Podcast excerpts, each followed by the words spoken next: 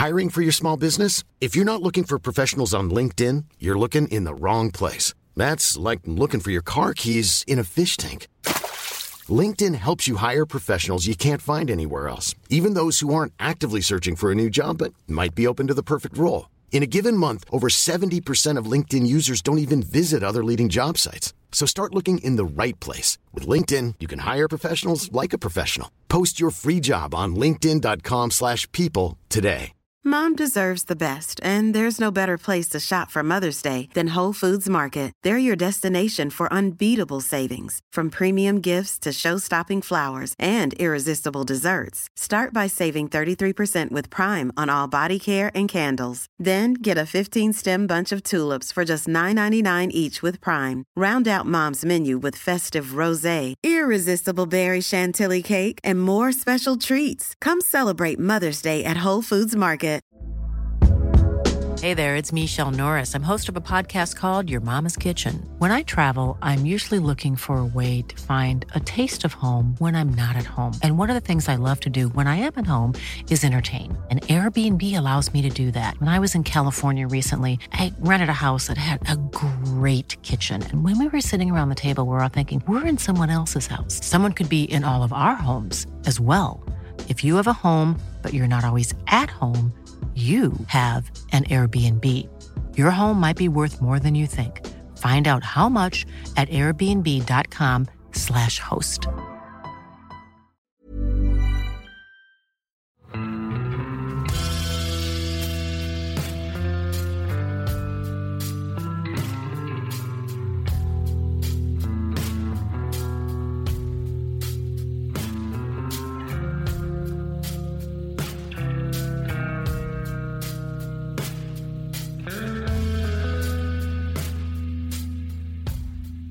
Hei og velkommen til podkasten Uteliv.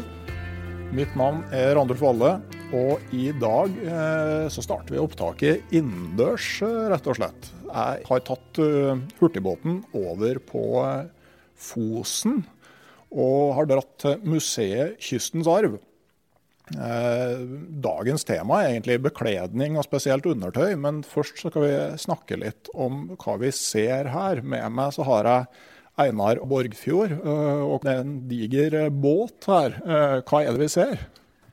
Ja, det er en uh, trøndersk lofotbåt. Uh, det er jo denne typen som de drev lofotfiske med på 1800-tallet og fram til 1900-tallet. Uh, som var garnbåten fra Midt-Norge. og staværingene, altså Den bygda statsbygda som staværingene kommer fra, de var driftige sjøfolk og drev da med store Åfjordsbåtene, som ble kalt uh, staværingsbåter, faktisk. Men det er den trønderske storbåten. Den er ca. 52 fot lang. Og har vel et seilareal på en uh, rundt 70 kvadrat med toppseil. De som i likhet med meg kommer fra Innlandet, så kan du dele på tre for å komme fra fotmeter. Men kan du si noe om hvordan ellers den båten her ser ut? Nei, Det er en åpen klenkbyggbåt eh, som ligger forholdsvis lågt eh, i sjøen. Han har jo et fribord på en eh, ja, drøy halvmeter.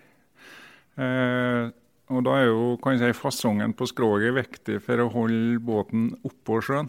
Så, eh, og det har jo med, med innløp og bunnstrekk og alt mulig sånt som vi som båtbyggere prøver å legge vekt på, så at sjøen pakker seg under båten når du seiler.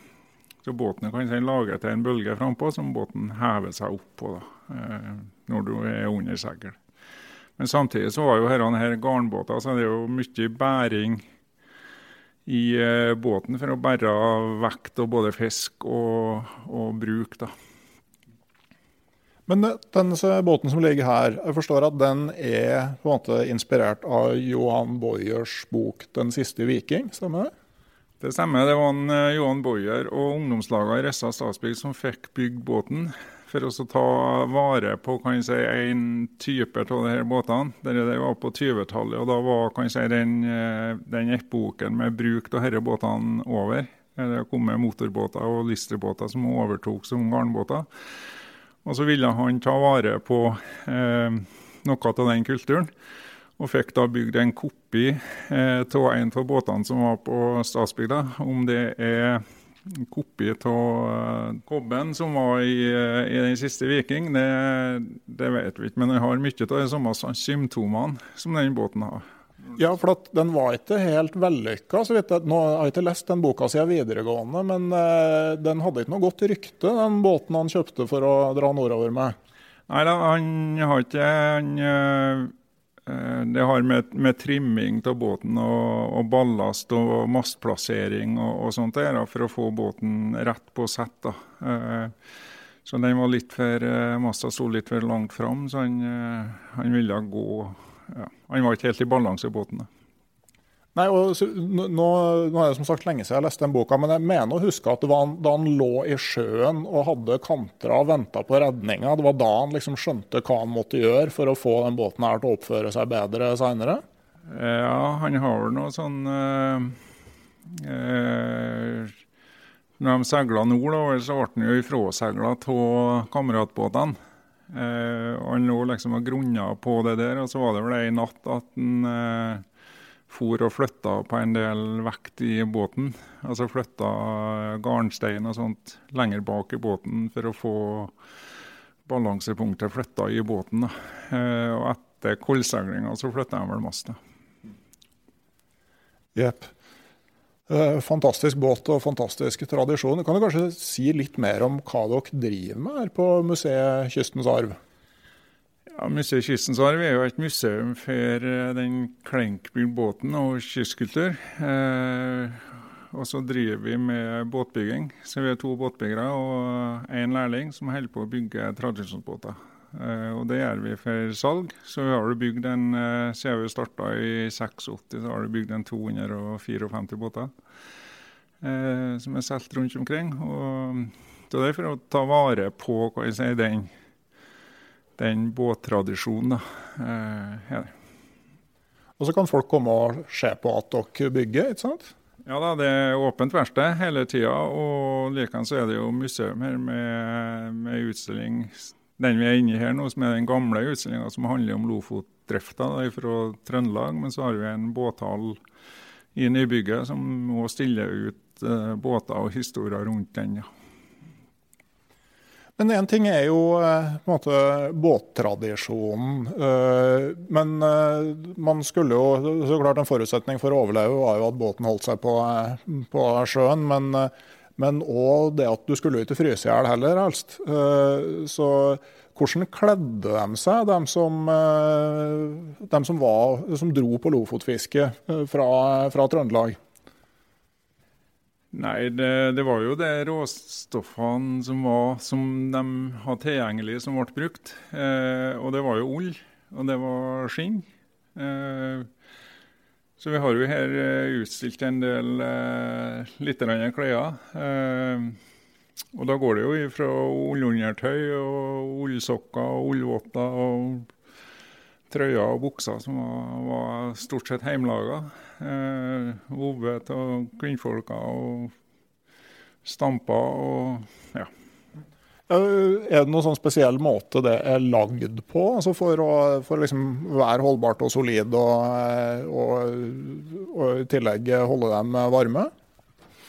Ja, akkurat hvordan det der greiene er vovet, da snakker vi med feil person. Eh, men det, det, er jo, det er jo heimvove klær eh, som er forholdsvis eh, kan si Ullklærne og undertøyet er jo forholdsvis tynne, fine plagg innerst. Og så vokser det jo på etter hvert. Eh, så de har jo en eh, tre-fire lag med, med ull eh, på seg. Og så tok de av seg kanskje inn til, til andrelaget om natta når de la seg. da. Så ytterklærne ble, ble, jo hengt ut. Og, og så var det jo ikke noen regnklær i, i den tida. Så der så er det jo, er det jo skinnhyra som var brukt, altså skinnklær. Og da var det jo geitskinn som ble foretrukket til å lage det skinnet, for de har eh, porer som Det er veldig, veldig små porer som er lett å tette med, med olje. Dere der skinnhyrene ble satt inn med, med olje, fiskeolje, eh, for å bli tett. da. Eh, etter hvert ut på 1800-tallet så kom jo det der eh, bomullslerretet. Altså det, når det ble eh, Det kommer her på midten på 1800-tallet ca. Og da kom jo det som ble kalt for oljeklær. Eh, og det var jo bomullsduk som de sydde eh, klær til, og det ble satt inn med, med olje. Altså det er jo akkurat det samme i dag med ullskinnklær. Altså bomullsklær som blir smurt inn med, med noe impregnering. Eh, ja, men før det da var det, var det skinnklær. står et par støvler her, eh, kan du si noe om det? Ja, det er ikke støvler, det er røyserter. Eh, det er, altså, dere buksene, dere skinnbuksene det var, gikk eh, litt nedom knærne. Og så har de stevler støvler som de kunne trekke opp til opp på låra. Så Det er derfor de er såpass eh, Vi har to par her. da, her så er det ett sånn leggpar, men så har vi ett i skapet der som er, er sånn som du kan trekke opp høyere opp. Da var det mjukere skinn oppå dem. Så at de gikk opp så at uh, buksa og, og skoene overlappa. Det ser, uh, står inne i monteren her, altså, det ser nesten ut som vadere. Ja, det, det er en eh, kan jeg, jeg forløperen til det. da. Altså, De er jo borti en, eh, borti en meter høy når du trekker dem opp.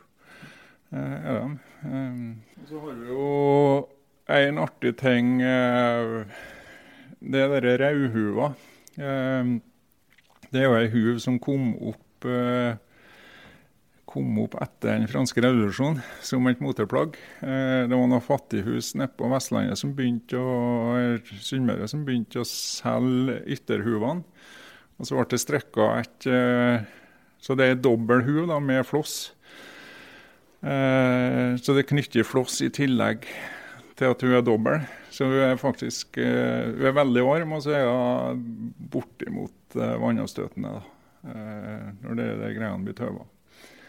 Så den, den er litt artig. Og det, eh, den rødhuva har jo en historie tilbake til galeislavene i Middelhavet. Når de ble frigitt, så fikk de ei rød som symbol på at de var fri. Så den rødhuva er jo, er jo brukt i dag òg som symbol på, på eh, eh, frihet. Eh, senatet, symbolet i, i senatet i Amerika har jo rødhue. Eh, så han bestyreren som var her før, han sa at det var stavaringer som hadde vært borte her og bygd dette huset. Det høres eh, bra ut, ja. Det, det jo, og friheten var vel, tror du det var noe de følte på da når de satte seil og dro til Lofoten? Ja, det er helt klart. Altså, det, var, det var jo flestene som for på sjøen her, var jo, var jo husmenner og fattigfolk. Og så var det kanskje større gårder som utrusta båter. Men så var det jo ofte at det, kan si, hierarkiet snudde på sjøen. For det var husmennene og, og de som drev sjøen, som kunne sjøen. Og gårdeierne kunne ikke sjøen. Så det var ofte at det var, var husmenner som var høvesmenn på båten. Og så var gårdeieren var med han òg, men som, som fisker. da. Så det, det kunne snu, snu på sjøen. Og det er klart at eh, eh, Og det er jo det samme som lofotfiske i dag. Altså Du kan gjøre det jævlig bra hvis det er bra fiske. Og det var jo derfor de for opp. altså Hvis du kan eh, eh, De kunne jo få oppi en tre-fire årslønne i hvert fall, eh, på ett fiskeri. Og da, da tok de jo den sjansen på å ferde nordover på vinteren med en åpen båt. De starta jo i januar og fiska jo til påsketiden. Men eh, når de dro nordover, da, altså sånn på en vanlig sesong, kan du si noe om hvor mange som ikke kom hjem, sånn røftlig? Ja, fra Trøndelag her så var ikke Det var veldig lite forlis med de her store båtene. Eh, det er mindre båter kan jeg si, på de store ulykkene som har, har vært. Så vi har ikke noe mange beretninger om koldseilinga til en sånn båt. Det finnes, og det finnes den der kan jeg si, når han berga, seila over Kvelvet for å berge folk. Det er jo en sann historie. Men jeg har ikke noe sånn tall på hvor mange det er som forliser. Men de fleste de kom tilbake. Men det var jo sykdom og alt mulig sånt som gjorde, gjorde at det kunne døde vel flere av det enn av drukning på, på Lofoten fra Trøndelag. Ja, De hygieniske forholdene i, i rorbuene er det vel sagt en del om. og Det, det er vel også sånn, eh, det var vel først, eh, det var først i andre verdenskrig at det døde flere soldater av kamphandlinger enn av sykdom i krig. Så det er vel litt det samme med manglende kunnskap om hvordan sykdommer brer seg. og sånne ting. Så vil jeg tro at de kunne slå hardt når de var så trangbodd. Ja da, og, og sånn som svolfinger og sånt òg. Altså, hvis du får, får ungler i, i hendene, sånn, så kan du få solfinger. og det, Får du betennelse i det, så sprer det seg jo. Det, så sånne små ting liksom, som er bagateller i dag, var jo alvorlig. Er det det samme som de kalte spekkfinger på ishavet? Ja, det er vel noe av det samme, ja. Sånne småsår som altså, smeller opp. det. Jeg vet eh, Farfaren min var et par sesonger i Vestisen og fikk sånn spekkfinger. og De løste med liksom, de skar opp de betente sårene og pissa på det. Det var liksom eh, For det er jo sterilt når det kommer ut. Ja. Nei, Jeg har ikke hørt om noe sånt, men ja. Jepp. Uh, tusen takk for uh, innføring i, i uh, båtliv og, og bekledning. jeg tror det Jeg har én ting, da. Ja. Bortpå der, og det er den, eh, den båtrya. Altså, det er jo, ei, eh, det er jo et svært åkle som er ja, det er ca. To ganger to ganger to meter. Mm. Det åklet her det veier 15 kilo. Og det er båtrya, og det er datidens sovepose. Så de la seg oppå, og så bretta de den over seg både i båten og i, i rorbua. Og Det som er fordelen kan jeg si, med ei sånn vove eh, åkle i forhold til en skinnfelle, er jo at, eh, at når skinnfellen blir fuktig, så begynner den å mugle. Og det er ikke kan jeg si, det her eh, ullåklet. Så det er et åkle som er knyttet inn, eh, inn floss på en spesiell måte. Som gjør at eh, Og det er jo varmt selv om det er bløtt. Ja, Har du prøvd å sove i det sånn som det er i kalde forhold? Ja, jeg har ligget i det i, i båt, ja. Eh, Hva vil du si er komforttemperaturen? Nei, det, det, altså vi har det i, faktisk i båten der. Så Den siste Viking, vi har seila den til, opp til Lofoten som elev en gang. og Da har vi ei sånn båtry. Og Når du seiler vakt og sånt, og det er mye folk, så er det jo bare å ta og krype under båtrya og hive over seg. Så det var helt uh, Altså, det er jo et veldig tjukt plagg, så den, uh, den, er veldig god, den. Men Var det én eller flere personer som sov i sånn som det her? Nei, det var, det var én person. Uh, men verdien på ei sånn båtry var jo ansett til å være ganske høy. Den har samme verdien som ei ku. Uh, ja, For det gikk med så mye ull og så mye arbeid? Veldig mye arbeid på å knyte inn flossen. og Alt var jo håndspunnet og sånt. Så, det, så hvis du ser, ser, den verdien, altså den tida det er til, så var det omtrent som, som ei ku. da. Ja, Da skjønner jeg jo liksom at det var storgardene som utrusta uh, båter for å dra på lofotfiske? Ja, det var det, men det var jo mye, mye husmenn her som som utrusta seg sjøl, og som eh, var med som lottakar. Altså, de har ikke garn, så de var med bare og fikk, fikk lotten. Det var ikke hele lotteskala. Det hadde du hvis du hadde garn med deg. Så det var litt sånn uh, oppdeling der. Men jeg har jo historie at det i utdannet uh, Valdersund at det var ei kjerring som skulle sy trøy til kannen sin. Og hun spara ull i fire år for å lage til den ulltrøya. Så det var nok eh, ja, ressursene liksom, det skulle brukes til alt. Og, så hun la til side ull hvert år til den trøya. Så når hun vova, så, så har litt for lite garn. Så han eh, har ikke ei sånn si trøye, han har litt kortere trøye. da. Så det, ja. Det er, et, det er, litt annet enn i dag når du stikker på butikken eh, når du føler for det og kjøper de klærne du vil ha. Det er, det, ja. det er litt annerledes. Det er det. Jeg har med meg en eh, kar til her i dag, eh, Bengt Rotmo. Eh, vi skal prate mer om det her med undertøy, men har du vevd noe mye av klærne dine sjøl? Jeg er dårlig med det, ja. Dårlig med veving hjemme til meg, ja. Jeg må bare si det. Det er noe sånn at en driver og kjøper på butikken, eller får. Jeg tenker kanskje at vi rusler ut da, og fortsetter å prate litt om klær ute. Det høres bra ut. Da gjør vi det.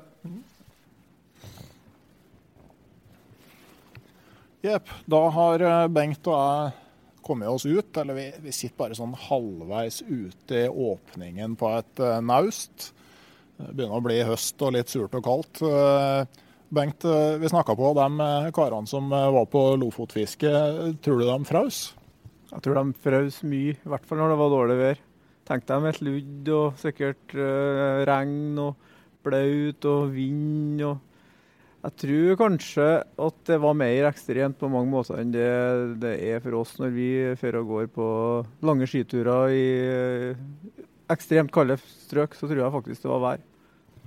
Ja, og så er det jo liksom det at de hadde jo noe de skulle gjøre. Liksom, altså, det var jo, det var jo for seg og familien. Altså, det at du måtte stå på og få om bord så mye fisk som overhodet mulig.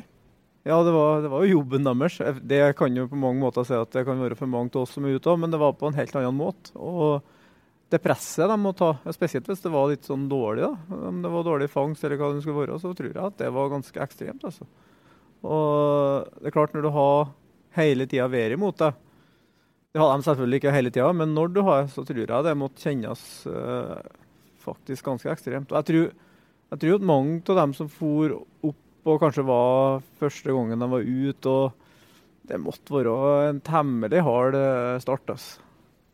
Jeg ser for meg at fingre må ha vært helt forferdelig med å drive og dra og greie garn og bløgge fisk og alt det de drev med midtvinters. Ja, du er blaut hele tida, vet du. Og frys. Og det blir bare det sveller opp. Klart det er kaldt. Det er klart det er kaldt, ikke noe tvil. Mm -hmm. Eh, Bengt har jo vært eh, gjest her i podkasten Uteliv før. Eh, jeg tenkte å, å, komme til å være litt sånn der gjenganger, i hvert fall sånn som jeg har tenkt meg, når vi skal snakke om ting som har med, spesielt med utstyr å gjøre. Jeg tenkte jeg skulle begynne med å si litt hvorfor jeg gjerne vil ha med meg deg, Bengt, når vi skal snakke om sånne ting. For at du er jo du har jo veldig mye turerfaring eh, fra kalde områder. Fyk rundt på poler og isbreer og eh, ting og tang rundt omkring i verden som, som guide. Det er det mange som gjør. Men jeg liker at du har en nysgjerrighet og en ydmykhet oppi det hele. Interesse for å forstå ting, prøve ting, og et åpent sinn. For det er veldig lett når man får mer og mer erfaring, at man blir veldig opphengt i måten man sjøl gjør ting på, og mindre og mindre åpen for måten andre gjør ting på. Uh, og jeg syns at du hele veien har vært flink til det å, å, å se etter ny kunnskap for det om du kan ting sjøl. Ja, det var jo godt å høre det, da. Uh, men, men, det er jo interessant å se at det ikke bestandig det du gjør sjøl, fungerer det òg. Altså, alt fungerer på en måte. Altså, det er jo sånn da, at det du kan, og det du tror på, og du vet hvordan du skal behandle den, det, det funker. Stort sett. Alltid. ja, og så er det altså, I dag så skal vi snakke om undertøy for turbruk. Og det er et felt hvor mange har veldig bastante meninger, samtidig som det er et felt hvor vi har fryktelig lite reell kunnskap, for det er jo enormt komplekst. Ja, det tror jeg òg. Uh, og jeg har tenkt litt på at du spor, men ble med på denne podkasten, så tenkte jeg at verden, hva var vi brukt før? Før vi liksom begynte å ha fokus på det at vi skulle kle oss rett og sånt. Og, og vi la jo i vei med joggebukser og dongeribukser, og, og, vi overlevde jo egentlig da òg. Ja, vi, vi, gjorde det. Uh, og eh, jeg husker jo de første sånn fjellturene jeg gikk. altså Det var jo med bomulls-T-skjorte innerst mot kroppen. Jeg må innrømme at jeg har sånn minner om på høstturer å ta på seg ryggsekken igjen etter pause. Som ikke var så veldig behagelig. Ja, jeg kjenner det kulda som bare klemmer seg inn mot ryggsøyla. Ja. Det, ja, det har jeg vært med på sjøl, det må jeg bare si. Med bomullsskjorta, ja. Men jeg husker òg en sånn der eh, fjelltur i Gausdal Vestfjell eh, hvor vi var med en felles kompis av oss, Rune. som eh, vi hadde mener vi fant ut vi hadde en halvtime med sol og fire timer oppholdsvær på ei uke. Og vi var ganske uerfarne og kom fram og satte opp teltet. Og det var skitbløtt overalt, og vi lurte på åssen det skulle gå. Men da fant jeg ut at jeg hadde ei gammel Motorhead-T-skjorte som da klarte å suge opp så mye fuktighet at jeg kunne bruke den til å tørke både veggene og gulvet i teltet med. Og det klarer du ikke med kunstfibertrøye, altså. Nei, det er faktisk sant, ja. ja men da, det er jo god bruk av bomull da, sånn i sånn turbruk, da. Det, det må jeg jo si, da. Tror Lemmy ville vært stolt om han visste hva den 1916-T-skjorta hadde vært eh, brukt til. Men eh, jeg tenkte nå, nå skal jeg først eh, gjør noe jeg ikke har gjort før i den eh, podkasten her, og noe som er, er ganske konfliktsky. Altså, noe jeg sjelden gjør, er å gi kritikk. Men jeg mener at nå skal jeg gi litt konstruktiv kritikk.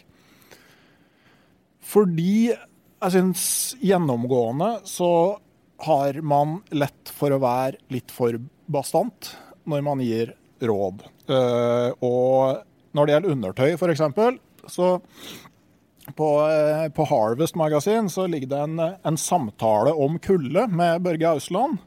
Hvor han bl.a. sier altså at på kroppen så har jeg et tynt ullundertøy innerst og kunstfiberundertøy utenpå der igjen.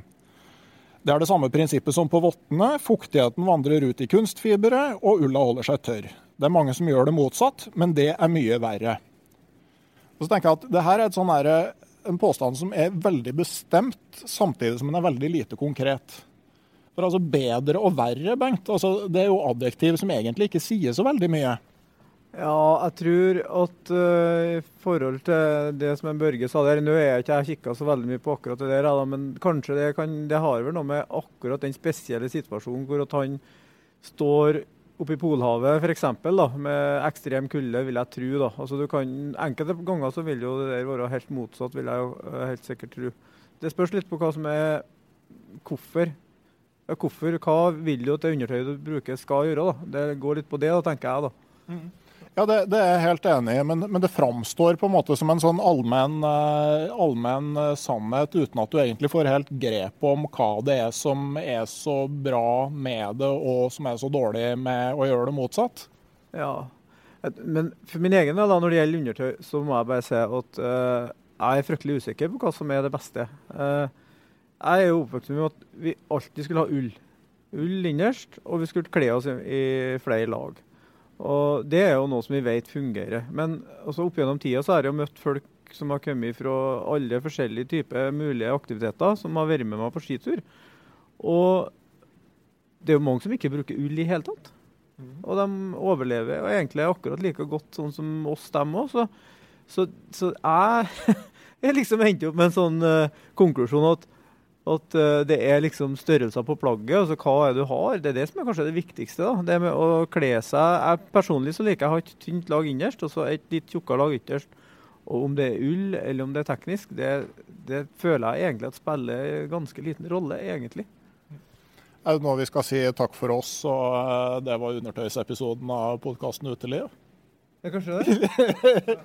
Nei, men jeg tenkte jeg skulle nevne et eksempel til. Uh, Moa Hundseid flink eh, dame.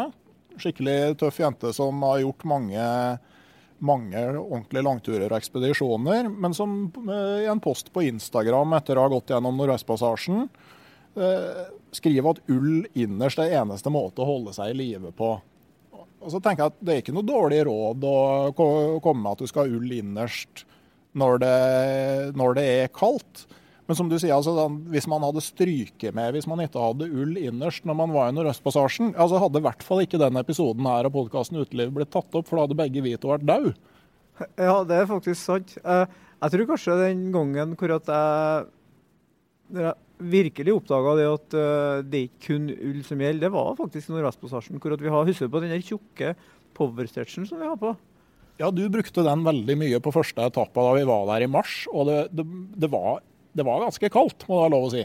Ja, det var beinkaldt. Og, og jeg husker på når jeg har den, kun den, det var bare den der powerstretchen, den var litt sånn uh, halvtjukk, så har jeg helt perfekt temperatur på, i forhold til å gå på ski. Og jeg brukte den hele første etappen. husker jeg Og da har vi jo alltid fra minus 35 ned til ja, ja, min, ja faktisk under 40 har vi jo. Men uh, det lå jevnt på rundt 30. da i tillegg til mye vind. Det er det som var så spesielt. Husker du den gangen vi lå eh, Vi hadde hviledag og du måtte ut og drite i noen og 30 kuldegrader og kuling? Ja, var det den episoden vi skulle snakke om, ja? Det, jeg husker den godt, ja. Jeg kommer seg aldri til å glemme heller.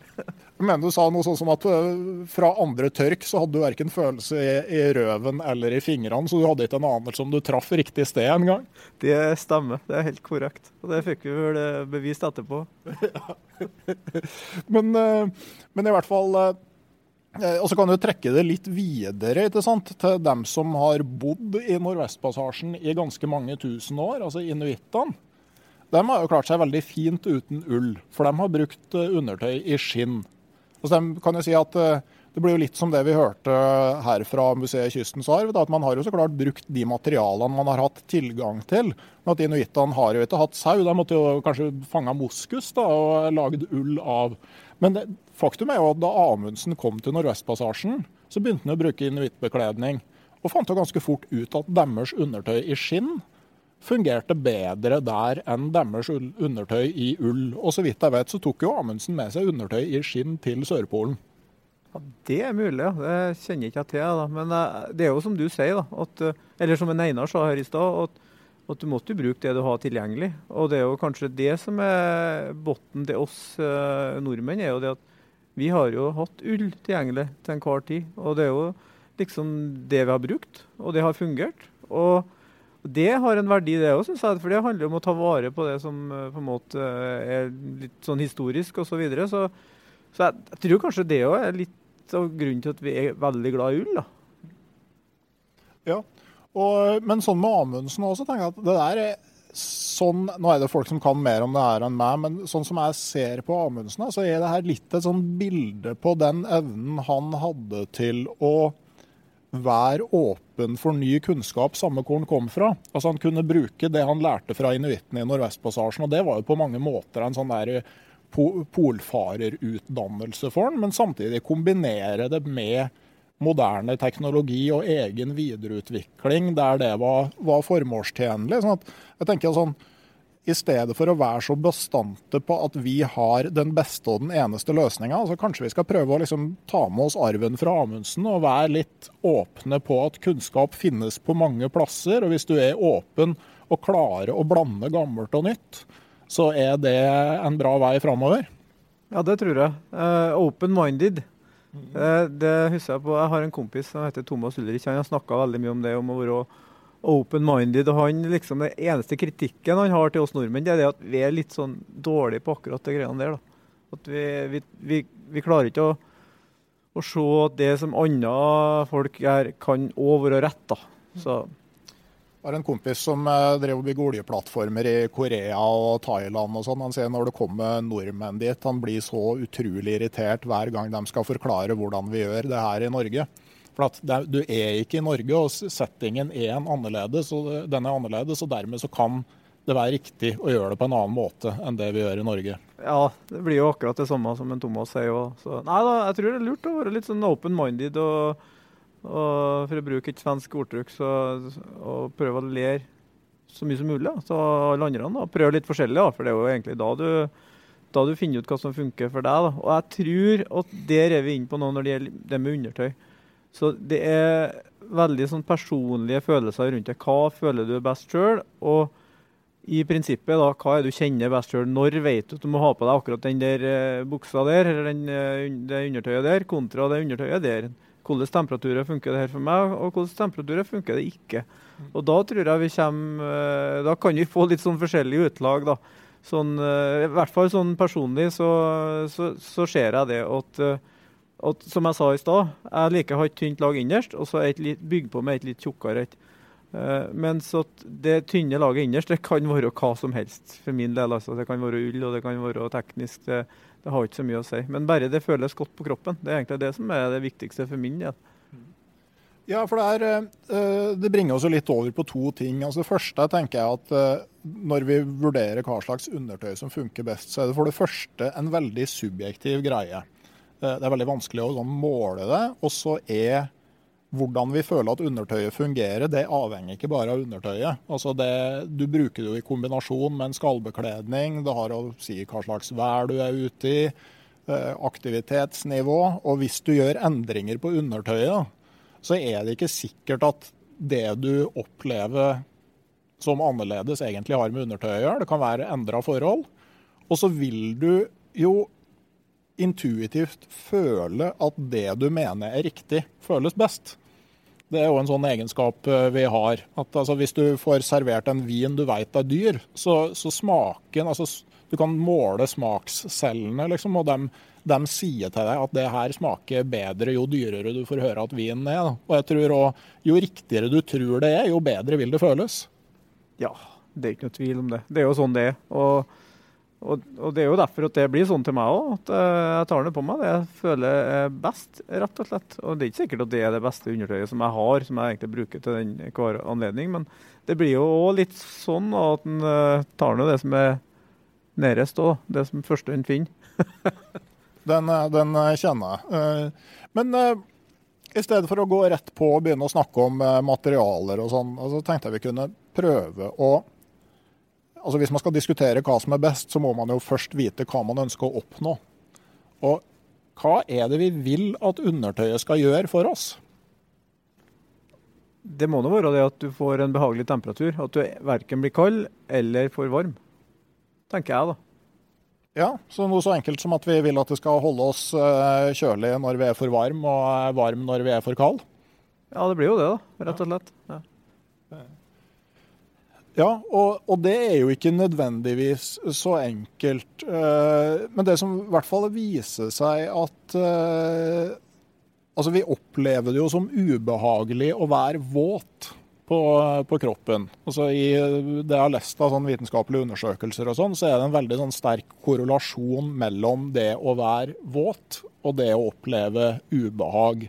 Sånn at uh, noe av det vi kanskje ønsker, er jo at eh, altså undertøyet skal sørge for at vi føler oss tørre. Ja, eller at vi ikke føler oss blaut, da. Rett og slett. For jeg tror, jeg tror, at du har en litt Du må være litt blaut for å Litt fuktig, da. For å kunne ha rett temperatur på kroppen. Det, det tror jeg. Hvis ikke så blir du veldig fort varm. Ja, for eh, det er jo det med altså, sånn veldig grunnleggende altså Når kroppen blir for varm, så reagerer den jo med å svette. Og grunnen til at det kjøles ned, er jo at svetten fordamper fra kroppen. Fordampingsenergien til vann er veldig stor. sånn at det, liksom, det å fordampe vann fra kroppen, det, det krever mye energi. sånn at det er jo grunnen til at vi begynner å svette i det hele tatt. Men inni det så kommer jo det her med med fuktighetstransport. Det er jo sånn I reklamen og sånn så blir det jo kjørt veldig mye på at undertøyet har stor evne til å transportere fuktighet bort fra kroppen. Altså, hva tenker du om det, Bengt? Ja, det der har jeg hørt da òg. Men jeg, for å være helt ærlig, så, så vet ikke jeg hva det er som uh, skal til for at et undertøy skal transportere ting fra kroppen. Men, men, det er klart at uh, hvis en tar det helt ekstreme tilfellet og tenker bomullsskjorta når den er helt blaut, så det er klart at det er stor forskjell på den når den er blaut, og når den er, når den er tørr. Og da tenker jeg som så at hvis det vannet kommer bort fra bomullstrøya, så er det klart, da vil det føles varmere. Sånn, så, så, det er klart at en viss transport av fuktighet, det vil jo i hvert fall i forhold til å gå på ski og være i, i fysisk aktivitet, være ønskelig, tenker jeg. da. Sånn, men det er bare noe jeg tenker, altså. Det. Ja. For det som skjer når vi begynner å transportere fuktigheten bort fra kroppen, det er at altså, hvis, du, hvis, du, har fuktighet rett på huden, og den fordamper, da kan du i praksis regne at all den fordampingsenergien den tas fra kroppen din. Hvis fuktigheten sitter i det innerste undertøyslaget, så har de målt at ca. 80% av fordampingsenergien kommer fra kroppen din, 20 fra omgivelsene. Hvis skalljakka di er våt, så når den tørker, så kommer 20% av energien fra kroppen, 80% fra omgivelsene. Sånn at jo lenger bort fra kroppen du flytter fuktigheten, jo mindre energi koster det for deg og for dampen. Det høres logisk ut, faktisk. Og så er det jo forskjellige altså det er jo en så, Med ullundertøy f.eks. så er det jo gjerne en sånn der hårrørseffekt. ikke sant? Altså sånn at du vet at Hvis du putter et sugerør ned i et glass, så står vannet litt opp i sugerøret. Eh, trekkes litt opp i det. Og Det er det samme liksom med de ullfibrene f.eks., som transporterer fuktighet ut på, på neste lag. Eh, Men det der er jo en litt sånn tvega sverd. For jeg tenker hvis, du, hvis, det er som du sier at du er på en kald skitur og har svetta og blir stående i ro, så er det jo fint at eh, fuktigheten er borte fra huden. Ja, det er jo ønskelig i hvert fall da. da. Og spesielt hvis du stopper helt opp og kanskje slår leir og den biten der, da, så, så vil det jo med en gang, hvis du er blaut, bli kald. Det, det, går jo veldig fort. Men så er jo en det, da. Så jeg har nå i hvert fall i min verden levd i den trua at, eh, at luft isolerer bedre enn vann på en måte. Og det er klart Hvis at, uh, ting er fullt av vann, så har seg, at det har trukket seg inn i fibrene, og fibrene er fulle av vann, så vil jeg jo kanskje tro at de isolerer litt dårligere igjen enn hvis de er fulle av luft. da. Så det er en sånn kombi der som er vanskelig på en måte å bestemme på hva som er egentlig best. da. Tenker ja. jeg da. Men det er nok uansett eh, liksom, av isolasjonsøyemed best at eh, fuktigheten er så langt borte fra kroppen som mulig. Men hvis du på en måte i stedet er ute og springer maraton på en varm dag, Eh, så er det jo ikke bra at fuktigheten transporteres bort fra huden. For da må du jo svette mer for å få den samme nedkjølinga. For så vidt det samme hvis du går med veldig høy aktivitet òg, så, så, vil du jo da svette mindre jo nærmere kroppen fuktigheten stopper. Det høres jo logisk ut, det der. Så du har egentlig den litt sånn kjipe situasjonen at du egentlig ideelt sett ønsker et undertøy som transporterer svetten bort fra kroppen når du er kald, og holder den nærme kroppen når du er varm. Ja, det kan du si. Men det finnes ikke. Eller gjør det? Ikke foreløpig, tror jeg. Jeg har tenkt litt på én sånn kombo som kanskje kan gjøre litt av det der, men det skal vi komme til litt seinere. Men så er det òg det her med, med, fuktighetstransport, altså det med rekkefølgen på lag og sånne ting. Jeg fant en eh, jeg fikk tilsendt en rapport som var skrevet som en elevoppgave på krigsskolen en gang på 80-tallet. Og Der hadde de da hatt tolagsbekledning, bekledning, spilt fotball i en halvtime, en sånn gjeng med soldater. Så hadde de, på en måte, de hadde alltid Forsvarets, nei, Forsvarets bomullstrøye. Den eh, kjenner vel du godt, Bengt? Den kjenner jeg til, ja. Både den og nettingen. Ja. Og så varierte de hva de hadde på innsida. Eh, og det var eh, netting i polypropylen og ren polypropylen. Og så diverse ullblandinger og bomull. Og det viste seg at eh, altså med polypropylen innerst, så blei det meste av fuktigheten sittende i bomullstrøya. Med ull så var det mer jevnt fordelt. Og hadde du bomull innerst, så var eh, transporten ut til den ytterste trøya dårligere.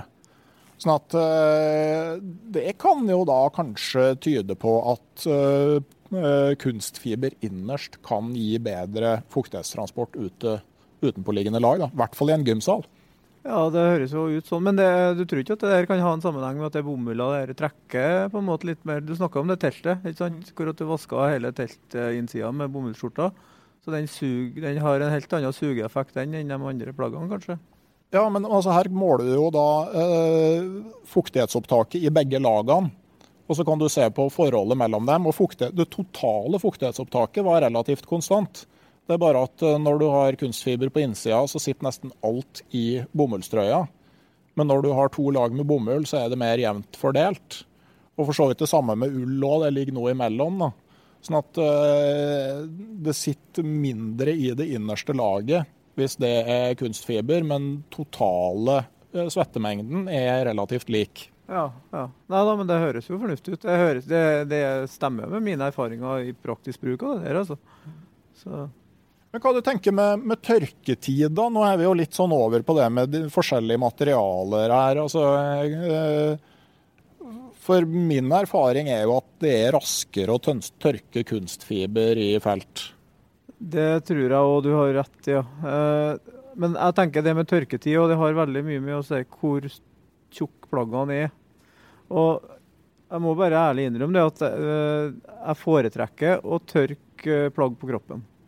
Rett og slett fordi at eh, det er, for, det er veldig behagelig. Ja. Nå skulle jeg ta bannes, men veldig behagelig å ha tørr bekledning om morgenen. Og hvis du tørsker på kroppen, så er det klart at hvis jeg er veldig tjukk, så tar det veldig lang tid. Da er du veldig kald over veldig lang, lang tid. Så, så i, det som jeg gjør uh, i felt, er at jeg prøver å tørke plagget på kroppen, uh, det innerste, og så heller jeg ut med det andre plagget så lenge som mulig, før jeg tar det av meg så jeg får ut så mye som mulig. da. For jeg vet jo det at på morgenen når jeg tar det, tar det på meg, så har ikke skjedd noen ting. Altså Det er jo akkurat like bløtt som var når jeg la det fra meg, for det er jo kaldt. ikke sant? Så det, det, det på en måte I felt så, så tørker i hvert fall ikke tunge plagg. Eh, nesten uansett hva det er for noe. Men eh, jeg vil, jeg vil si at min erfaring er at ulla tørker senere enn et sånn kunstfiberplagg. da. Sånn. Jeg har gjort et enkelt eksperiment. Jeg tok en del forskjellige typer undertøy, veide dem. Øh, Kjørte dem i vaskemaskina på skylling og sentrifugering. Og så veide dem på nytt etterpå. Og så veide dem med jevne mellomrom ettersom de tørka. Og øh, det er helt klart at, øh, altså at bomull f.eks. trekker jo veldig mye fuktighet. For så vidt ull òg, mens polypropylen tar opp veldig lite fuktighet. Men det man nå ser, er at du må på en måte skille på tørkehastighet og tørketid. For alle plaggene tørker akkurat like fort. Altså antall gram som forsvinner i timen, er i praksis helt likt, uavhengig av materialet. Det som avgjør hvor lang tid det tar å få et plagg tørt, det er hvor mye fuktighet det er det når du begynner å tørke det. Sånn at og, og derfor, altså, de materialene som tar opp lite fuktighet, de blir fortere tørre. Det er jo veldig logisk, det òg. Det blir jo veldig logisk, det her, da. Men, eh, og det stemmer jo også med mine erfaringer ute i felt. Og, og, og det stemmer jo med det at uh, hvis du tar på et tynt plagg, så går det fortere for det er tørt enn hvis du har på et tjukt et. Så Det, men det, det kan jo på en måte være et godt argument for å ha et tynt plagg innerst, sånn at du relativt raskt, og da hvis du tørker på kroppen, har mulighet til å få et eh, tørt innerste lag. Spesielt når vi vet nå da, at hvis, du har, hvis det innerste laget er relativt tørt, så koster det mindre energi å trekke på seg et fuktig lag utapå det.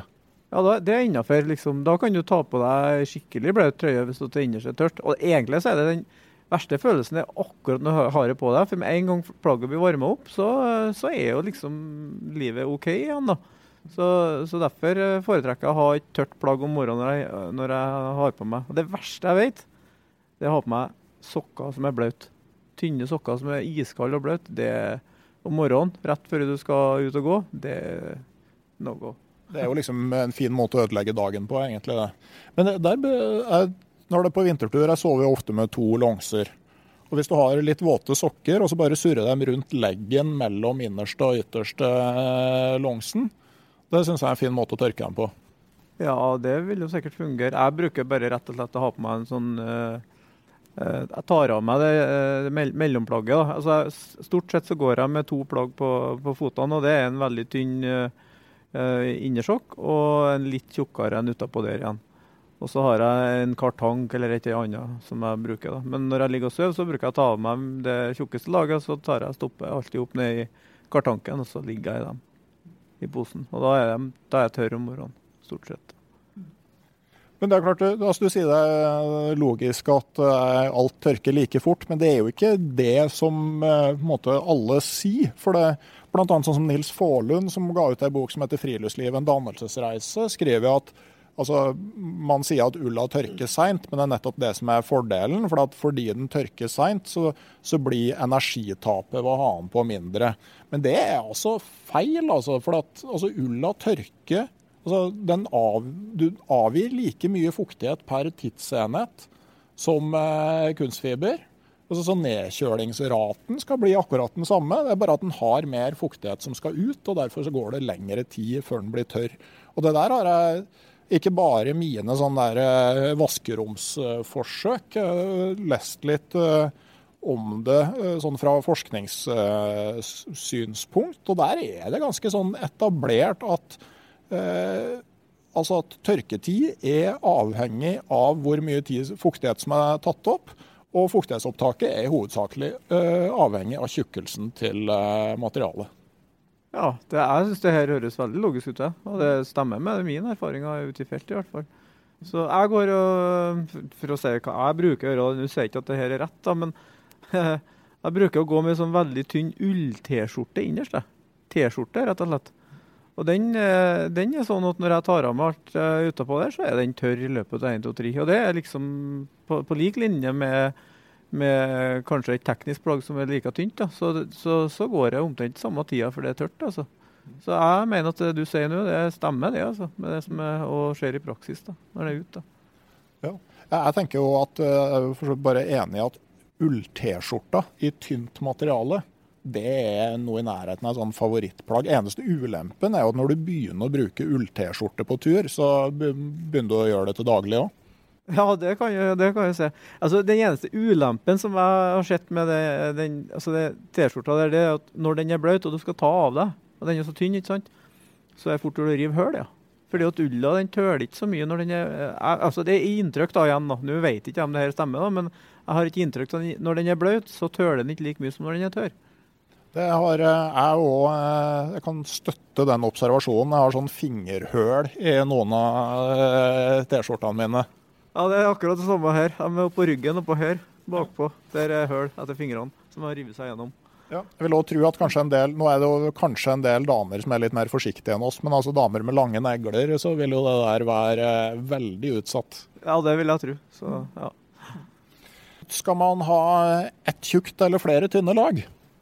Det har jeg vel allerede sagt hva jeg mener, da, men jeg liker best å ha flere tynne. da. Og jeg foretrekker å ha to tynne lag kontra ett sånn kombiplagg, hvor du har en sånn, sånn deling mellom to forskjellige lag i ett plagg. da. Hvor at du egentlig kan ta, ta til deg begge to og tørke dem hver for seg, hvis du må tørke dem. da. Jeg er veldig enig der. Eh, at eh, liksom, Det er jo typisk Brynje egentlig, som har eh, de her variantene med netting innerst f.eks. Og, og tettvevd utapå. Og jeg tenker at Hvis du kjøper et sånt kombiplagg, så har du ett plagg med et litt spesielt bruksområde for ganske kalde dager. Og hvis du kjøper de to plaggene, så har du i stedet tre forskjellige kombinasjoner, i tillegg til at du kan, kan ta dem av deg og, og tørke dem hver for seg. Så jeg tenker både fleksibiliteten og, og, tørkevennlighet og sånne ting, så jeg er jo enig i at liksom, separate plagg i stedet for dem som sitter sammen. Et unntak kan kanskje være dem som har påsydde ekstra ermer. Altså det at du har ett lag på overkroppen og to lag på, utover på armene, hvor den ofte blir ekstra kald. Har du prøvd noe sånt? Nei, det kan ikke Jo, jeg har vel så vidt prøvd det, ja. Men jeg kan ikke komme opp på at Jeg har ikke sånn stor erfaring med det, egentlig. Men, men, det vil jo egentlig bare si at du forsterker armene i forhold til det at uh, du har Ja, når kroppen på en måte trekker inn uh, og kobler ut uh, ekstremitetene, så har du litt ekstra isolasjon der. Og det er jo for så vidt lurt, det. det ikke tvil om det. Men, det er, men også det er mange som har sånn doble plagg, altså. Det er, finnes mange av dem på markedet. Jeg tror nesten alle leverandører leverer, leverer sånn dobbeltplaggløsninger. Og, og noen liker dem veldig godt. Og ære være, så det, det syns jeg er helt innafor, det. Og, men, men, personlig altså, liker jeg å kunne dele dem opp, ja. Så, men jeg tror det der er litt sånn smak og behag. Altså. Ja, åpenbart at det er det. Men jeg liker i hvert fall den fleksibiliteten å ha tre mulige løsninger i stedet for én. I hvert fall sånn Altså Én ting er hvis du skal på en sånn røff ekspedisjon hvor du vet liksom litt hvordan forholdene er, men de fleste kjøper jo undertøy for å ha en garderobe til helårsbruk. Og Da tenker jeg at du får større fleksibilitet ved å ha flere tynne plagg i stedet for et tjukt. Og så er det jo òg altså et faktum at flere tynne lag isolerer bedre enn et tjukt. Det er, det er ikke bare liksom sånn Det er ikke bare noe man tror. Jeg så noen som har sjekka isolasjonsevnen. Det var til sokker. Man fant ut at fire sokker med tjukkelse på 200 gram per kvadratmeter, altså til sammen 800, de isolerte 35% bedre enn en tjukk sokk med tykkelse 800 gram per kvadratmeter. Og du trengte faktisk bare to sokker med tjukkelse 200 for å få bedre isolasjonsevne enn en på 800. Så du har liksom halvparten av vekta og større isolasjonsevne. Så eh, når dere planlegger vektbesparelse på langturer, så, så er mange tynne lag eh, absolutt å foretrekke. Ja, det er jeg helt enig i. Det funker, det. Alt blir likere, syns jeg, da, når du har flere tynne. Da. Har, du har mange muligheter. Mange, mange muligheter. Men så er det begrensninger på hvor tynne skal de være, liksom, tenker jeg. da. Og Det går litt på styrke, styrke i plagget og hvor mye arbeid skal være å ha på seg og ta av seg og den biten der. da. Så, men i hvert fall sjøl ender jeg opp gjerne med to plagg, egentlig, rett og slett. da. Ja, for det er klart at Spesielt de tynneste ullplaggene som vi da har nevnt med T-skjortene, altså de, de, har mindre både slitasjestyrke og, og rivestyrke enn de tjukkere. Ja, ja. altså T-skjorta den, den, tar jeg egentlig ikke med når jeg regner opp. Altså, med den så blir det jo egentlig tre, da. Men den, eh, det er liksom grunnbekledningen. det, så Alt det andre det, det, det, er det du bruker, da. Mens T-skjorta den er jo på hele tida. Den tar du ikke engang av deg når du dusjer etter turen? Nei, helt korrekt. Hvis vi ser på det med designet til undertøyet altså, eh, Hvis vi ser på eh, ja, ei trøye og ei bukse for, eh, for, røff vinterbruk, hva du tenker er viktig med designet? da? Ja, det er litt sånn skummelt å begynne å diskutere design på sånne greier som det der, da. Men det er, det er spesielt én ting som, som, jeg kjenner, det er jo det at du vil gjerne ikke ha sånn veldig grovt stoff imot knærne. For da, da, får du faktisk litt sånn vondt i knærne. Pga. At, uh, at stoffet beveger seg litt når du går ned på kne, f.eks.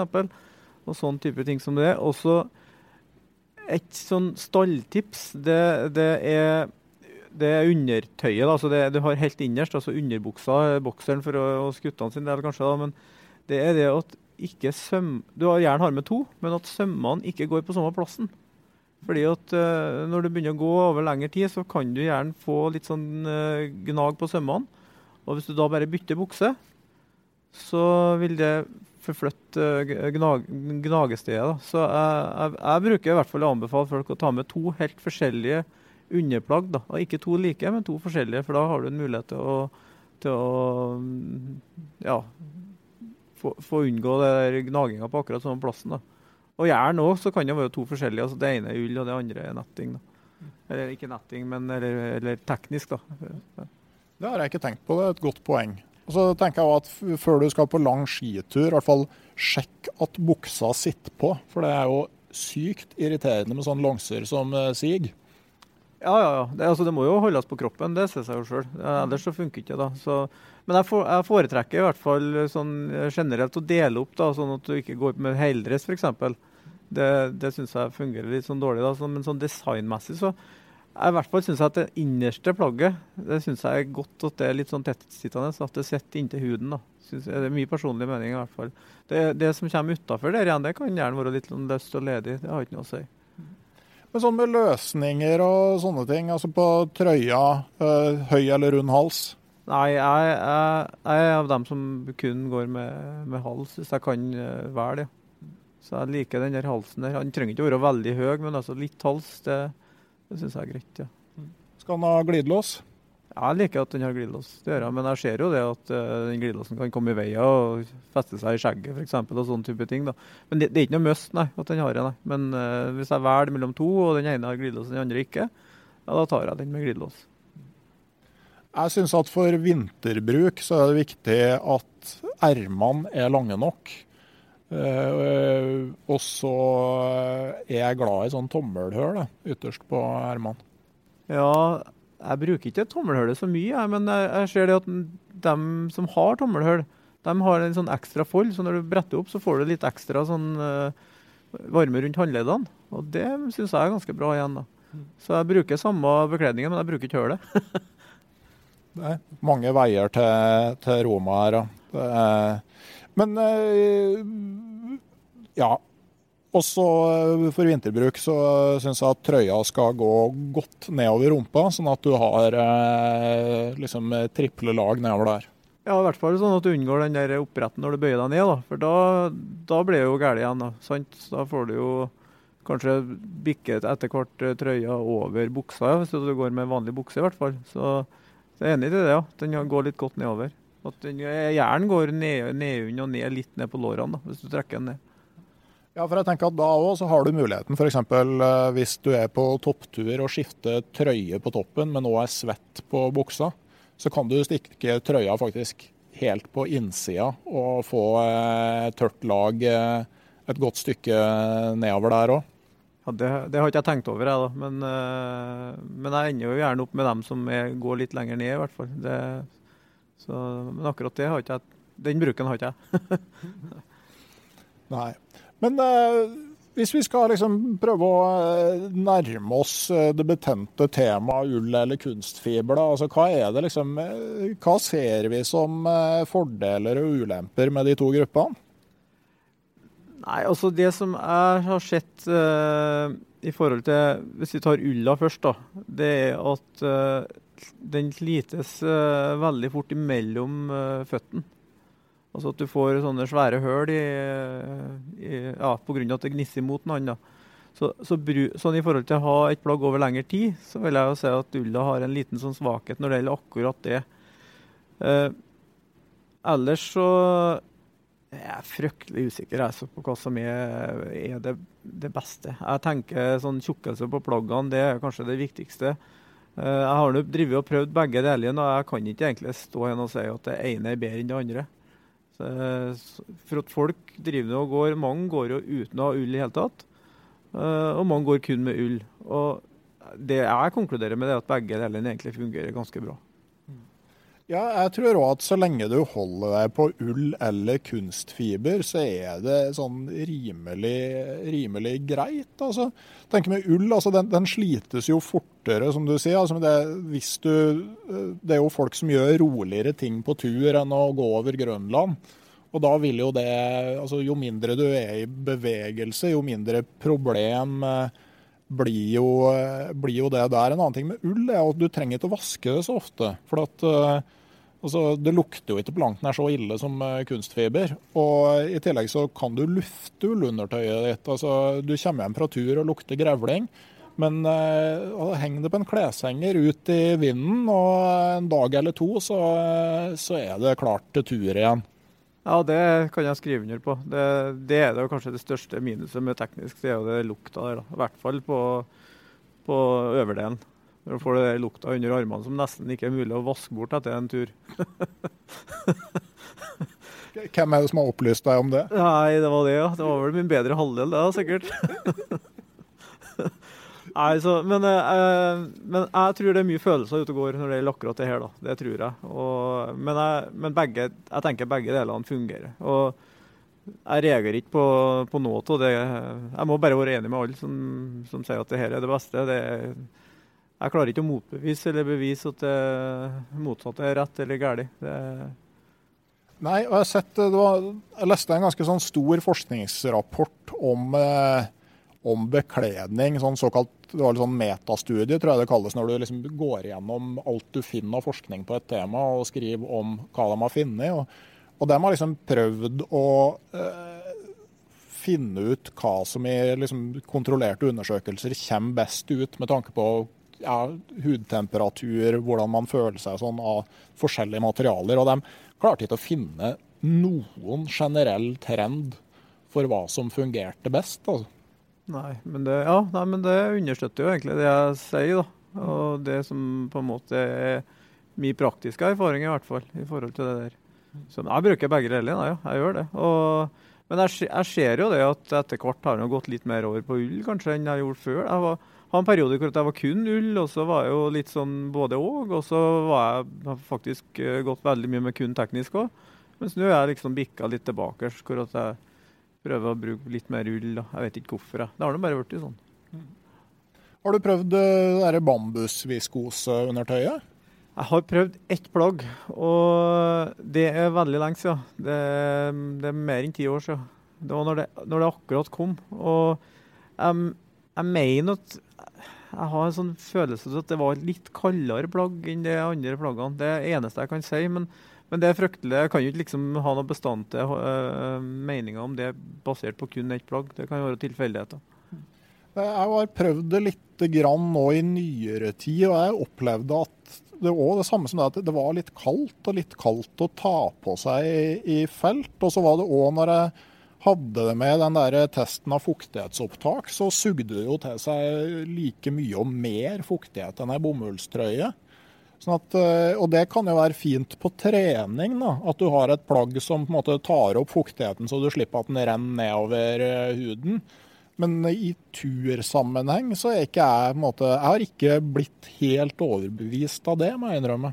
Nei, jeg, jeg, kan ikke uttale meg bastant på det i hele tatt. For at jeg har kun prøvd som sagt bare ei, ei jakke. Jeg vil ikke uh, si at Det trenger nødvendigvis ikke å være det som er, er stemme, da. Det, det, vet jeg ikke. Men det der må det være enkelt å måle, tenker jeg. da. Og det må det være enkelt, enkelt, å finne ut av. Men jeg tenker så, vi har nå det vi har, og det funker nå i hvert fall. Men uh, Kanskje en gang kan prøve det, bombeskredet, og se hvordan det fungerer. Men jeg tenker jeg må være open-minded når en skal prøve, og prøve, prøve virkelig. da, se at det, Før man på en måte uh, sier at, legger til side og sier at det her funker ikke, så må man ha prøvd det skikkelig, tenker jeg da. Jepp. Um, netting som underste lag, bruker du det nå? Ja, det vil jeg jo si. Det, det er jo som sagt, det, til meg fungerer jo sånn at jeg tar det som er nærmest, da, men jeg har nå gått mye med netting. Både ullnetting og teknisk netting. Og det er jo veldig lette plagg. Og veldig enkelt. Uh, altså det er jo mindre, mindre å tørske, da. Altså mindre materiale å tørske, så det tørsker jo ganske fort. Uh, jeg ser jo det vi har brukt når vi har gått i grønt, det har jo vært stort sett netting i senere årene. Og det er jo tørt bare det har av det. Men det er jo syltynt igjen, da. Mm. Så, det, så, det, går jo kjempefort. da. Og vi brukte jo òg, vi som var i Forsvaret i førstegangstjenesten på 90-tallet, vi har jo prøvd den der bomullsnettingen. Mm. Og den ble jo vært hyggelig for å være et fantastisk plagg, da. Og så netting det er absolutt et plagg som er brukende på tur, det. Ja. Det vil jeg si. Ja, uh, jeg tror at nettingen faktisk fungerer på en, en, annerledes måte enn det andre undertøyet. Den har et litt sånn annet prinsipp, for at den transporterer ikke fuktigheten bort. Uh, og jeg tror det kan ha et par ganske fordelaktige effekter. For at når du svetter i ei nettingtrøye, så blir fuktigheten liggende rett på huden uh, i de tomrommene. Og så kan den fordampe rett fra huden. Og de som husker tilbake til starten på den podkasten her, husker da kanskje at det gir den beste kjøleeffekten. Så du får fuktigheten rett på huden, dampe den bort med høy effektivitet, svette så lite som mulig, og så kondensere fuktigheten igjen i det laget du har på utsida av nettegjengen. Og dermed, når du da stopper seinere, så har du fått flytta fuktigheten bort fra kroppen, sånn at den i mindre grad kjøler deg ned når du stopper. Eh, og i tillegg altså, så funker den jo da bare som en sånn slags avstandsholder til det utenpåliggende plagget. Sånn at eh, du blir mindre påvirka av fuktigheten som eh, sitter der. Og derfor så tenker jeg kanskje at muligens er det mest fordelaktig med netting i polypropylen i stedet for ull. Rett og slett, for da slipper du at det blir tatt opp noe fuktighet i det innerste laget i det hele tatt. Ja, det er mulig. ja. Det der har du tenkt mye på, hører jeg. Jeg har ikke tenkt så mye på det. Så, men uh, det der må jeg nesten rett og slett prøve for å kunne si noe om. Men uh, jeg har i hvert fall gode erfaringer med den bruken jeg har hatt tidligere sjøl. Ja. Mm. Nei, og du, du, nevnte helsetrøya, som ble regna som et fantastisk plagg. Uh, jeg har jo diskutert det her med min, min, min svigerfar. Han er ingeniør. Eller vil si, han er ikke bare ingeniør, han er ingeniør hvis du skjønner forskjellen. Ja, ja. Eh, kort oppsummert, altså, kan si, han kan litt om alt, bortsett fra det han kan mye om. Sånn at du kan, eh, du kan f.eks. Eh, sitte og spise en frokost på hytta og ende opp med å ha lært ganske mye om vankelmotoren når du har eh, spist. Kjenner du til vankelmotoren, forresten? Ja, jeg vet bare det er noe trekantige greier. sånn... Det, det, er en motor hvor, hvor, nei, hvor, stempelet roterer i stedet for å gå opp og ned. Hvis du tenker over det. ikke sant? En sylindermotor så går stempelet opp og ned. Og det å skifte bevegelsesretning hele tida, det er jo energetisk sett ganske dumt. Så vankelmotoren så skulle stempelet bare gå rundt og rundt og rundt. og rundt. Så du slipper å skifte retning. Men likevel så viste det seg at vankelmotoren brukte mer drivstoff. Og det var visstnok fordi at det var vanskeligere å kontrollere akkurat formen på eksplosjonen da, inni det runde kammeret enn i en uh, sylinder. Uh, det var en digresjon. solid den. Men uh, det svigerfar da fortalte, at han huska jo så klart en artikkel han hadde lest på 60-tallet om helsetrøya da den kom. Og det de var veldig bevisst på der, var at de skulle bruke bomullstråd som var spinnet mye hardere enn det man vanligvis brukte i klær. Altså litt sånn hyssingtendenser. Nettopp fordi at den ikke skulle ta opp fuktighet. Og Det blir jo litt det samme som med polypropylen i dag. Da. Altså, du bruker et materiale som har veldig lite evne til å ta opp fuktighet, for at fuktigheten skal fordampe rett fra huden, og så kondensere igjen i laget som du finner på utsida. Ja, ja, ja. Nei, du, kanskje du er inne på noe her, da. Det høres ut som at uh, du har ting på stell her, i hvert fall.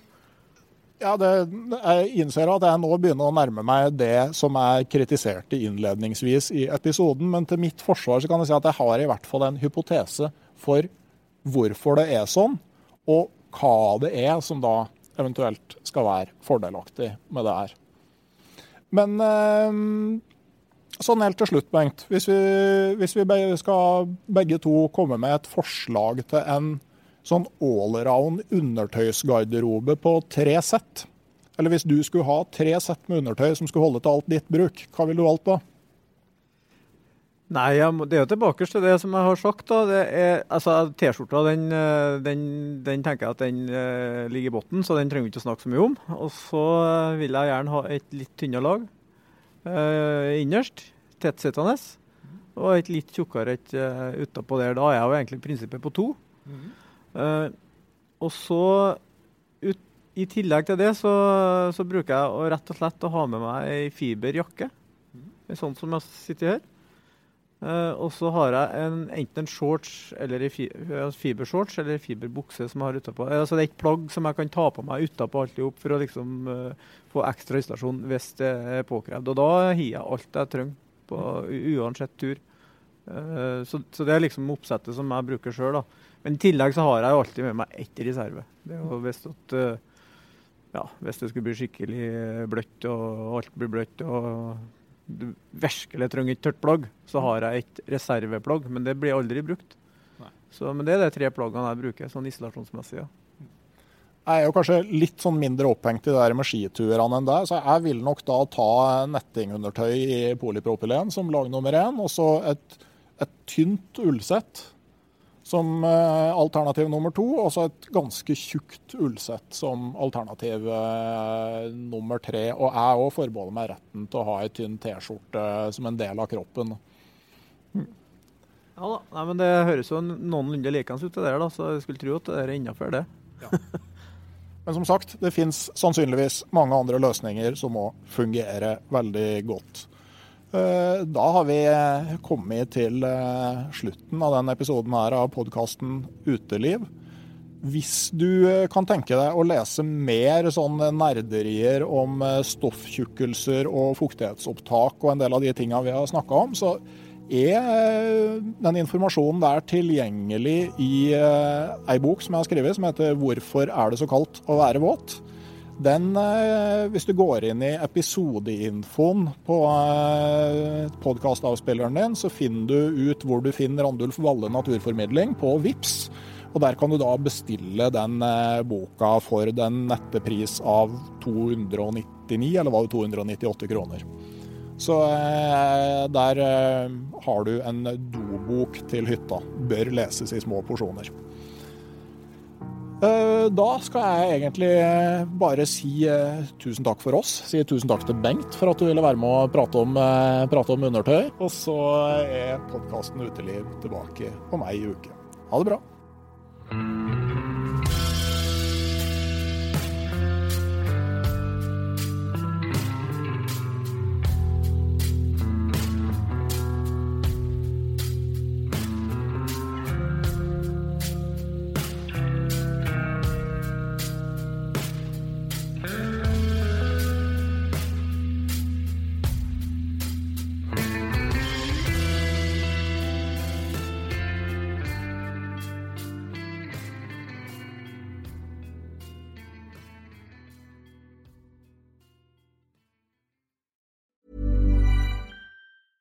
Mom deserves the best, and there's no better place to shop for Mother's Day than Whole Foods Market. They're your destination for unbeatable savings, from premium gifts to show-stopping flowers and irresistible desserts. Start by saving 33% with Prime on all body care and candles. Then get a 15-stem bunch of tulips for just $9.99 each with Prime. Round out Mom's menu with festive rosé, irresistible berry chantilly cake, and more special treats. Come celebrate Mother's Day at Whole Foods Market. Mom deserves the best, and there's no better place to shop for Mother's Day than Whole Foods Market. They're your destination for unbeatable savings, from premium gifts to show-stopping flowers and irresistible desserts. Start by saving 33% with Prime on all body care and candles. Then get a 15-stem bunch of tulips for just $9.99 each with Prime. Round out Mom's menu with festive rosé, irresistible berry chantilly cake, and more special treats. Come celebrate Mother's Day at Whole Foods Market. Hei, jeg heter Nore Helligsen og er daglig leder i Barents Outdoor. Det beste vi kan gjøre for planeten, er å redusere forbruket vårt og få mer ut av det utstyret vi allerede har. Men vi vet av erfaring at bruken av telt kan endre seg over tid. Det teltet du kjøpte for to år siden, passer kanskje ikke det behovet du har i dag. Derfor har vi i Barents etablert en egen panteordning der vi tar imot brukte telt av god kvalitet i innbytte når du kjøper et nytt av oss. Prosessen er enkel. På barentsoutdoor.no gir du oss informasjon om teltet du vil bytte inn. Basert på det får du et tilbud fra oss som gir deg rabatt på ditt neste Barents-produkt. Mer info og betingelser finner du på barentsoutdoor.no. Og husk at den første reparasjonen på produkter fra Barents er alltid gratis.